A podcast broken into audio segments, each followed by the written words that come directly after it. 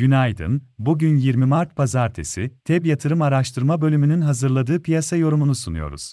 SVB Financial Group'un iflası ile birlikte Amerika ve Avrupa tarafında finansal piyasalarda ortaya çıkan likidite kaynaklı sıkıntılar global piyasaları geçen hafta boyunca olumsuz etkiledi.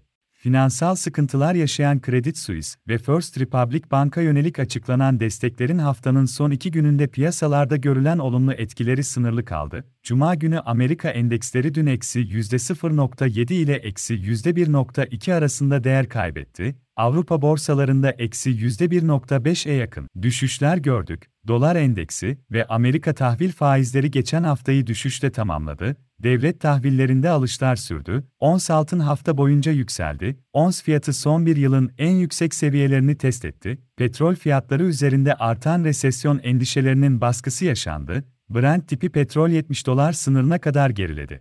Hafta sonu Fed öncülüğündeki 6 büyük merkez bankasının piyasalara gerekli olan likiditeyi sağlamak için anlaşmaya varmalarının ve swap hattı operasyonlarının sıklığını artıma kararı almalarının, Credit Suisse'in varlıklarının İsviçre'nin diğer önemli bankalarından biri olan UBS tarafında satın alınması konusunda yapılan anlaşmanın yurt dışı borsalarda yeni haftaya başlarken satışlarda durulma sağladığını görüyoruz. Amerika ve Avrupa endeksleri vadeli tarafta cuma günkü seviyelere yakın hareket ediyor. Asya borsalarında satış satışlarda açılışa göre durulma gözleniyor, Şanghay Endeksi hafif artıya dönüyor, ancak global tarafta likidite zorluğuna giren bankalarla ilgili endişelerin henüz yeterince azalmadığı görülüyor. Global tarafta bu hafta Amerika Merkez Bankası'nın çarşamba günü gelecek faiz kararı önemli olacak. Amerika bankacılık sektöründe yaşanan son gelişmelerin sonrasında bu haftaki Fed toplantısından gösterge faizde 50 bas puanlık faiz artışı beklentisi 25 bas puanlık artışa gerilemiş bulunuyor. Ayrıca Perşembe günü İngiltere Merkez Bankası toplantısı olacak. İçeride bu hafta Perşembe günkü para politikası kurulu toplantısı takip edilecek.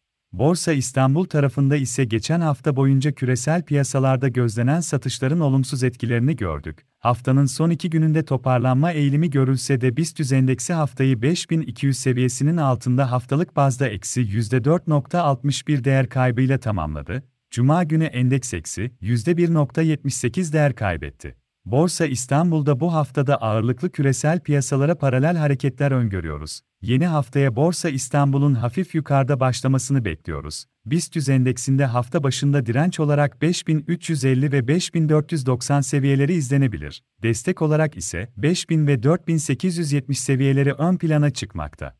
Hisse tarafında ise teknik olarak Alkim Kimya, Anadolu Efes, Aselsan, Çemtaş, Kardemir'de, Pegasus, Sabancı Holding, Şişecam, Teknosa, Türk Hava Yolları, Yataş hisselerine olumlu tarafta bakılabilir. Piyasaları değerlendirmeye devam edeceğiz. TEB yatırım olarak herkese iyi bir gün dileriz.